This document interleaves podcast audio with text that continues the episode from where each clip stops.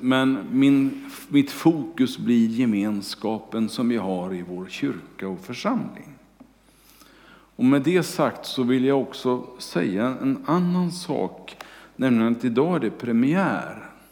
Ni kanske inte tänkte på det eller förstod det, men idag är det premiär eftersom vi har tolkning i gudstjänsten. Grattis att eh, tolka det jag ska säga nu.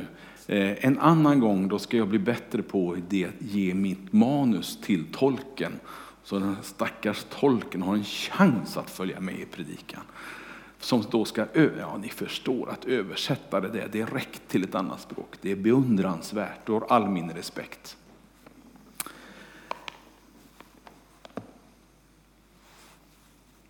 Att vara med om en gemenskap som har gudomlig karaktär är inte enkelt att tala om. För det är inte alltid den gudomliga karaktären är tydligast. Ibland i livet så händer det saker där den gudomliga karaktären gemenskap får sig en repa, får sig en buckla. Ibland blir den ganska betydlig och ibland upplevs den väldigt besvärande. Och jag har all respekt för detta. Jag har all respekt för att alla inte har samma eh, upplevelse och upplever det jag ska tala om. Men det är min önskan att alla ska få uppleva det. Det är min önskan att alla ska få med om det. Och är du med om någonting som kraschar den gemenskapen, så är det min önskan att Guds rike ska få en chans till i ditt liv. Att församlingsgemenskapen ska få en chans till i ditt liv. För den är gudomlig till sin karaktär. Gemenskapskvalitet har jag tagit som eh, rubrik. Och så kommer jag på att det där var ett väldigt långt ord, men det är också svårt att leva upp till. Ibland så hör jag talas om gemenskaper i främst då kristna sammanhang, i församlingssammanhang, eh, där man säger att det är omöjligt att komma in i den och den gemenskapen. Man är så tajt så det är svårt att komma in utifrån. Det är ju ingenting som man tycker om att höra direkt, men det är ju fakta. Det är ju så som människor upplever det ibland. Eller gemenskaper där man som gäst måste ta första steget för att få bli en del. Jag tror att vi vill någonting mera. Jag tror att vi vill någonting tajtare. Och det här är absolut ingen predikan med piska och, eh, och skäll. Absolut inte. Men jag kan inte heller undanhålla mig det jag hör om Guds församling. Och nu har jag inte sagt vilken församling jag talar om, eller hur? Så tro nu inte att det är bara om dig och din församling, utan det är om Guds församling. Jo, vi är en del av den, eller hur? Jajamensan. Jag har tre punkter, märkligt nog. Jag hade många fler, men jag har skurit ner det till tre. Och Jag skulle vilja fundera med dig, tillsammans med dig lite grann om, är församlingen en organism? Eller är det en fabrik? För om det är en fabrik, då är det bara en plats där vi producerar en massa grejer. Vackra saker, betydelsefulla saker. Men där allting liksom går ut på att någonting ska hända bara. Är det ett bra epitet på en Guds församling? Fler av er kanske jobbar i en fabrik. Volvo har ju en stor fabrik inne i stan. Ehm, och min pappa har jobbat på Volvo Torslanda i 25 år innan han gick i pension. Det är inget ont om fabriker. Det är inte alltid så kul att stå och lukta bredvid dem när man känner avgaser och annat. De har ju sina nackdelar. Men ehm, det är klart att de gör mycket gott. Men egentligen går ju en fabrik ut på att tjäna pengar. Så enkelt är det ju. Det är därför fabriken finns till. Någon vill tjäna pengar och startar alltihopa. Där kan man bli sparkad. Där är det en VD som bestämmer. Och sätter man sig och inte vill vara med på det, då kan man gå vidare. Så enkelt är det ju i arbetslivet, i, i eh, företagslivet, i fabriksmiljön. Jag vill inte ha det i Guds församling. Jag vill hellre se Guds församling som en organism som lever. Som inte är till för att producera en massa. Som inte är till för att, att vara på en massa speciella sätt. En massa mallar och nej. Livet är det viktigaste i organismen. Och livet i Guds församling, det är det viktigaste. Det är som en kropp. Den gode Paulus hade rätt. Det är som en kropp med alla dess funktioner. Och jag har aldrig ens haft ambitionen att bli läkare eller sjuksköterska, inte ens undersköterska. Alltså ingenting. Jag gick en liten snabbkurs när jag jobbade som brandman på en flygplats. Eh, och då lärde jag mig vad öppen pneumatorax är. Men nej, hur ofta har man nytta av det? Inte så ofta. Så när jag hamnade på sjukhus för några år sedan så, så eh, fattade jag inte mycket av det som sades och det som gjordes. Och, ja, jag förstod vad de gjorde med mig, men inte varför och, och resultaten och sådär. Men jag förstod att, och förstår att en organism, även om det bara är en enda cell, en liten amöba, eller om det är en komplicerad, komplex krona i skapelsen som människan, så är det en sammansatt del av många funktioner som jobbar tillsammans för att få någonting att börja fungera. Organismen i sig, livet i sig, är så vackert och så betydelsefullt så det borde räcka som symbol.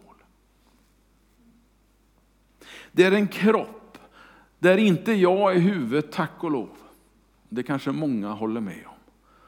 Utan där vår Herre Jesus Kristus är huvudet. Och sen vilken del jag är i kroppen, det bedryr jag inte mig om. Det är inget viktigt för mig. Det är inte viktigt för mig att vara hjärtat. Det är inte viktigt för mig att vara lungorna, eller lymfsystemet, eller tummen. Eller lillfingret. Det där lilla fingret som ingen bryr sig om. Eller lilltån. Men ta bort en del av den här organismen. Och det haltar på något sätt. Och det är det kanske vackraste med organismen tycker jag. Vi behövs allesammans. Och utan dig så blir det en haltande funktion. Jag behöver dig. Vi behöver dig. Gud behöver dig. Organismen behöver dig. Församlingen behöver dig. Om du inte kan sjunga lika vackert som Madde och Katrin, eller spela lika häftigt som Klasse, eller snickra. Eller, det, vi jämför oss ju med allt. Alltså jag har alltid önskat att få en sångröst. Jag bad när jag var liten, gode Gud ge mig en sångröst om jag går och lägger mig ikväll nu, så vill jag ha en sångröst när jag vaknar. Jag har ännu inte fått det och jag räknar tyvärr inte längre heller med att få det. Utan jag får hålla, ja det, ni får överleva den sångrösten om den hörs någon gång. Eh, det var någon som hörde den i en källare en gång och de stängde av högtalarna. Så kan det vara. Eh, och man får acceptera det på något sätt. Att jag kan inte vara allt. Jag kan inte vara ekonomen. Jag kan inte vara den som tar hand om alla rören i en kyrka. Jag, jag har inte den kunskapen. Utan vi får hjälpas åt. Alla får hjälpas åt och alla behövs. Om du så skulle gå hem idag och glömt allt vad jag har sagt, trots mina fantastiska tre punkter och till och med en bra avslutning och en fantastisk inledning, så glöm inte att du behövs. Och att jag älskar att se när var och en finns med och gör det man kan. Sen lägger jag ingen värdering i vad det är du gör. Bara Jesus får vara huvudet. Bara Jesus får vara orsaken. Det är viktigare att vi inkluderar människor än att vi exkluderar människor. Det är viktigare att vi omfamnar dem än att skapa avstånd. Det är viktigare att människor känner en värme och kärlek när de kommer än att de får en kommentar om sina vackra skor. Sen gör det ingenting om man får en kommentar om skorna också. Det kan vara hänt någon gång ibland, jag vet inte. Jag har aldrig brytt mig i det med dojorna förresten, så ni inte tror det. Så jag tror på församlingen som en organism mer än en fabrik. Det andra som jag funderar på lite grann, det är vilken typ av gemenskap ska vi ha? Jag tänker mig uttryck som öppen gemenskap. Och det skulle man kunna exemplifiera i de här bibelorden som har kommit upp på väggen. Första Korinthierbrevet, jag tror jag slår upp de här också så att jag inte läser fel på avstånd, för det är lätt att göra. Första Korinthierbrevet 1 och vers 9.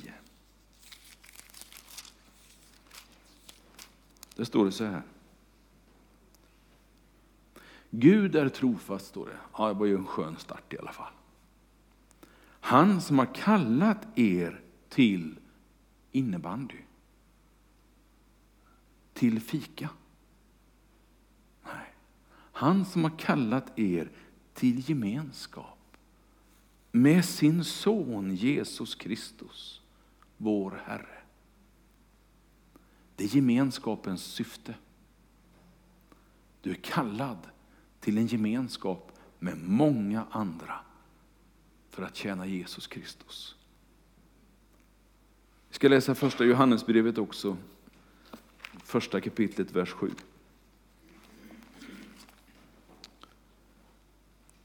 Men om vi vandrar i ljuset, liksom han är i ljuset, då har vi gemenskap med honom och vandrar i mörkret. Förlåt.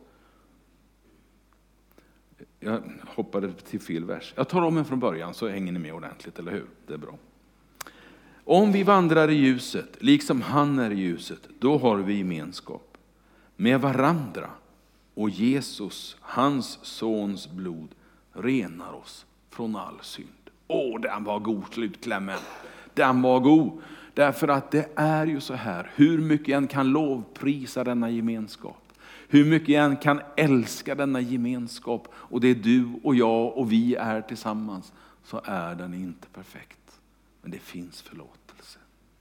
Det finns en Jesus som förlåter när det brister och som helar det som går sönder. En öppen gemenskap är vad jag önskar. Där alla kan komma till gudstjänsten. Där alla kan komma och delta och vara med, lyssna, sjunga. Där alla kan komma till våra verksamheter, vara med bland ungdomarna. Åtminstone alla i rätt ålder. Du har ju några som är äldre också, som är med i ungdomarna, så det går nog bra att vara lite äldre där också. Där man kan komma till eh, seniorträffarna och vara ganska mycket yngre. Alla är välkomna till söndagsskolan. Inga barn är uteslutna från söndagsskolan. Bara de har rätt ålder. De måste inte ha rätt förälder. De måste inte ha rätt utbildning. De får bara komma. Alla är välkomna till våra verksamheter. Vi som är medlemmar i kyrkan, i den gemenskapen så tar vi ett ansvar för vår kyrka. Vi går lite djupare än den som kommer och oss som är besökare. Vi vill göra någonting för kyrkan. Och här händer ju så mycket under veckan. Alltså, ni skulle ju vara här, slå upp ert tält här utanför en, en vecka och bo här och se vad mycket folk som passerar. Någon gång har jag tänkt att jag skulle sätta en sån här räknare, vet ni, som det finns i, i en del eh, affärer och sådär, som räknar hur många som passerar in genom de där dörrarna under en vecka. Det är hundratals med människor. Kanske upp mot tusen, jag vet inte. Det finns medlemmar som tar ansvar för ekonomin lite extra. Som både räknar pengarna men också är med och ger. Jag vill ju tro att alla vi som är med i kyrkan, som är medlemmar i kyrkan, att vi tar det där ansvaret, att vi finns med och ger. Det finns så många uppgifter. Att sprida evangeliet. Ja, jag skulle kunna hålla på och räkna upp hur länge som helst, jag ska inte göra det. Men min tanke är att man kan komma till kyrkan och vara med i gudstjänsten, i vår verksamhet. Man kan också komma och engagera sig. Bli en medlem. Bli en del av kyrkan. Känna att det här är min kyrka. Här vill jag satsa. Här vill jag vara. Här vill jag tycka. Här vill jag tänka. Och här får jag vara den jag är. Kanske att den djupaste formen av gemenskap ändå är den söndagen när vi firar nattvard. En fantastisk form av gemenskap. Där vi egentligen inte säger så mycket till varandra. Där vi egentligen inte gör så mycket för varandra. Det kan ibland kanske kännas som att jaha, nu gör vi det igen. Men vet du, du kan inte komma till en tydligare gemenskap med Jesus själv. Du kan inte komma till en tydligare gemenskap med alla vi som finns i kyrkan. Där vi får äta samma bröd. Där vi får dricka ur samma kalk, höll jag på att säga, åtminstone samma vin som vi häller i våra små kalkar. Där den där gemenskapen om en måltid svetsar oss samman. Det är gemenskap på ett fantastiskt sätt. I nattvarden finns det ingen krav på prestation överhuvudtaget. Utan kom. Kom till församlingen, kom och lovprisa, kom och tillbed. Kom och ge honom huvudet, min Herre och Mästare, din tacksamhet och din glädje. Låt mig säga några ord om gudstjänsten också. Det här är ju inte en bild härifrån, det ser du. Jag tänker inte tala om bilden härifrån. Skulle någon känna igen det så är det ingen fara heller. Men det är en gudstjänst. Jag undrar hur många gudstjänster det firas på en söndag. Om vi börjar där borta i Nya Zeeland och i mitten på Stilla havet där när klockan slår elva där. Så är den gudstjänsten slutat för länge sedan, när vi börjar våran. Och när vi slutar våran dag, då har man börjat en gudstjänst så långt borta som till och med uppe i, eh, uppe i eh, Missionskyrkan, i Ekumeniakyrkan. De börjar en timme senare än oss. Och i USA, där kommer de ännu senare och sen håller det på så här. Va? Det är ett helt dygn, i princip, av lovprisning till Jesus. Och människor som möts i en gemenskap som är lokal, kanske liten och enkel, mycket mindre än den vi har idag i vår gudstjänst. Kanske bara är fem personer, kanske bara tio personer. Eller det kanske är 30 000 som i Seoul i Korea. Eller de jättekyrkorna i USA. Slår du ihop alla kyrkorna som firar gudstjänst så är det miljoner. Det är flera hundra miljoner som möts en söndag. Inte för att hälsa på varandra i första hand, inte för att se på varandra i första hand, utan för att lovprisa Jesus Kristus i första hand. Teologen Fredrik Modéus la fram en doktorsavhandling 2015. Den där har jag lyckats få tag på. Allting går ju att hitta på nätet. Så jag har tittat på den lite grann. Och hans doktorsavhandling handlade just om gudstjänstgemenskapen. Så därför tänker jag ägna några minuter åt det innan det är dags att gå vidare. Han delar upp oss alla som går till gudstjänst på fyra olika sätt. För det första så talar han om tillfälliga besök. Det vill säga människor som kommer eh, på eh, dop i Svenska kyrkan. Man kanske går dit en gång när det är dop. Eh, man kommer någon gång när det är begravning. Man kommer någon gång på första advent. Man kommer någon gång när det är bröllop, när det är vigsel. Ja, eller hur? Och det är ju inget fel i det. Jag är ju jätteglad för alla som kommer då, naturligtvis. Och det är ju en del av gudstjänst det också. Så det är helt okej. Okay. Den tillfälliga besökaren väljer han att kalla det för i alla fall. Och sen har han ett annat uttryck som hon kallar för den lediga gudstjänstbesökaren. Och det har nog inte med arbete och ledighet att göra i första hand. Utan den här som kommer eh, och ser det som en varaktig gemenskap bara. Det är gott att få komma med. Det är gott att få sätta sig ner och vara en del av någonting som är större. Det finns egentligen ingen långsiktig idé om det jag gör, men jag trivs så gott att få vara här och sitta här ibland. Och det är okej okay det också. Det är inget fel i det alls. Sen har han också den tredje som han kallar för den stabila gudstjänstgemenskapen. Det är där man odlar den bestående gemenskapen, skriver han. Och han lägger ner lite mera tid på den här punkten. För det är här han själv ser att han skulle vilja ha sin kyrka. Man odlar en bestående gemenskap, ungefär som i hemgruppen Reidar. Ungefär som i alla andra våra hemgrupper. Man odlar en bestående gemenskap. Man har lite umgänge med varandra på olika sätt. Man fikar tillsammans, man pratar med varandra, man uttrycker vad som har hänt under veckan. Ja, det är ett fantastiskt fint exempel på vad en bra hemgrupp är. Det är en slags kollektiv identitet som skapas i gudstjänsten när vi blir lite trogna. När vi kommer gång på gång, när vi börjar engagera oss, när vi börjar känna att det här är vi, det här är, det här är mitt, här är jag med. Här vill jag betyda någonting. Gemensamma värden eh, värnas och hålls nära. Det är viktigt att vi är de vi har varit och de vi är nu. För nu ska vi gå vidare och vara så här.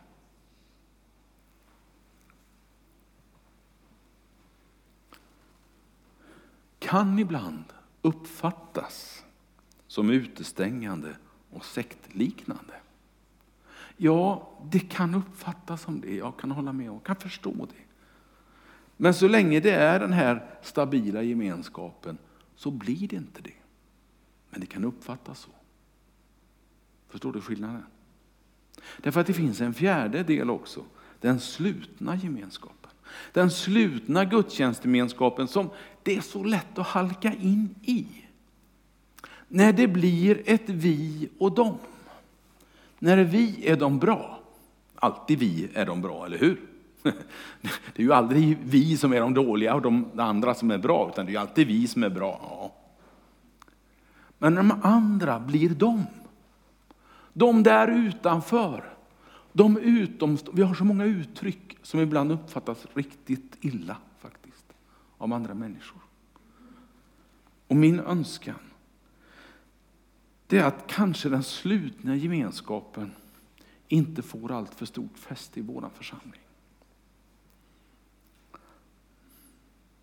Det finns en nackdel med den slutna gemenskapen. Hur god den än är och hur, hur varm den än är och hur positiv den än är för den som är innanför den slutna gemenskapen. Så kan den bli gränssättande och bli till negativ gemenskap. Och där vill inte du och inte jag, ingen av oss vill hamna där. Utan jag tror att vi vill vara i den stabila gemenskapen. Den som är öppen den som är bestående, den som odlar ett umgänge, den som eh, har en kollektiv identitet. Vi vet vad vi tror på, vi vet vad vi vill. Men det är inte det viktigaste, utan det viktigaste är när vi möter att vi får lovprisa honom, Jesus Kristus. Och nu har jag tagit mina tre punkter. Nu vill jag ha den sista punkten och den sista bilden. Jag skulle vilja läsa tillsammans med dig ur Johannesevangeliet. Och sen ska jag faktiskt avsluta ganska så med en gång efter det. Johannes 13 och 34 och 35.